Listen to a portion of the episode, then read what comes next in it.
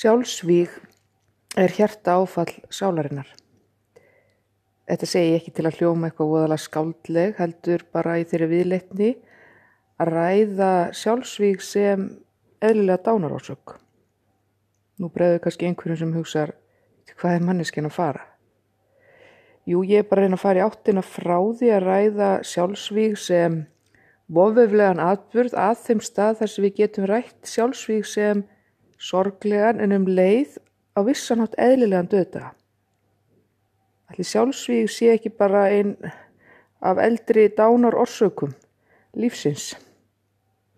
Öruglega eldri en síkursíki 2 eða kransaðastýpla. Sjálfsvíg hafa fyllt mannkininu frá mótni tímans. Það þýðir þó ekki að við hefum bara sætt okkur við þau. Það þýðir það að við hefum að hætta kvísla um þau. Og það þýðir það að við hefum að skima fyrir þeim ég er bara strax í grunnskóla og tala opið um það við náangan hvort hann hafi einhvern tíman haft sjálfsvísugsanir þannig að það sé bara eðli spurning þegar að erfileikar stæði að eða þegar við upplöfum að einhver nálat okkur sé langt niðri.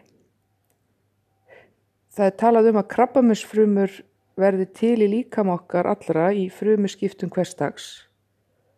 Hjá flestum hafa hilbröðu frumurnar yfirhöndina en hjá sumum og og reynar allmörgum þá nær krabbin sér á flug og veldur veikindum.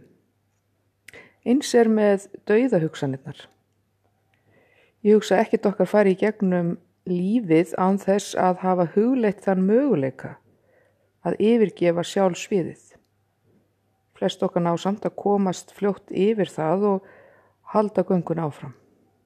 Mér að ég var alveg farið gegnum þá hugsun að mér þætti of erfitt að lifa en komst og fljótt að því að mér langaði samt ekki til að deyja.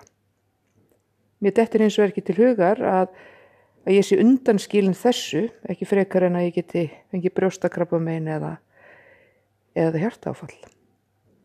Forvarnar vinna gegn sjálfsvígum getur ekki orðið til þess að útrýma sjálfsvígum í heiminum eða hér á landi.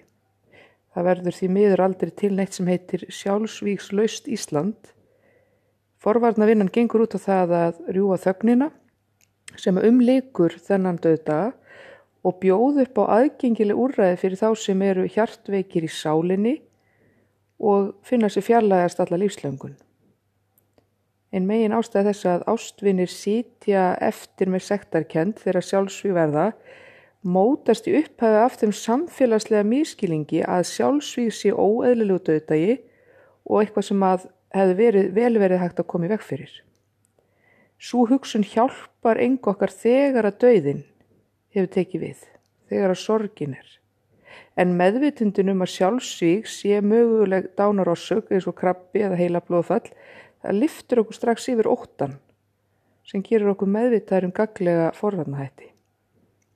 Við gætum fækkað sjálfsvígum með því einmitt að líta á þau bara sem dánarossug líta á þau og sjútumsvæða þau eins fyrðulega og það hljómar og móta þannig bjargrað út frá hugmyndin, hugmyndin um að engum sé um að kenna, að enginn þurfa að skamma sín og að sá eða svo sem er lifir af hjartveiki sálarinnar eigi afturkvæmtin í samfélagi til ábyrðar og starfa, já bara réttis og þau sem hafa lokið lifið að gjöf við krabbamenni.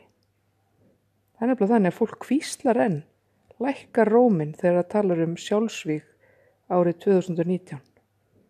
Það er staðan og meðan við gerum það þá er hægt við að fleiri degi.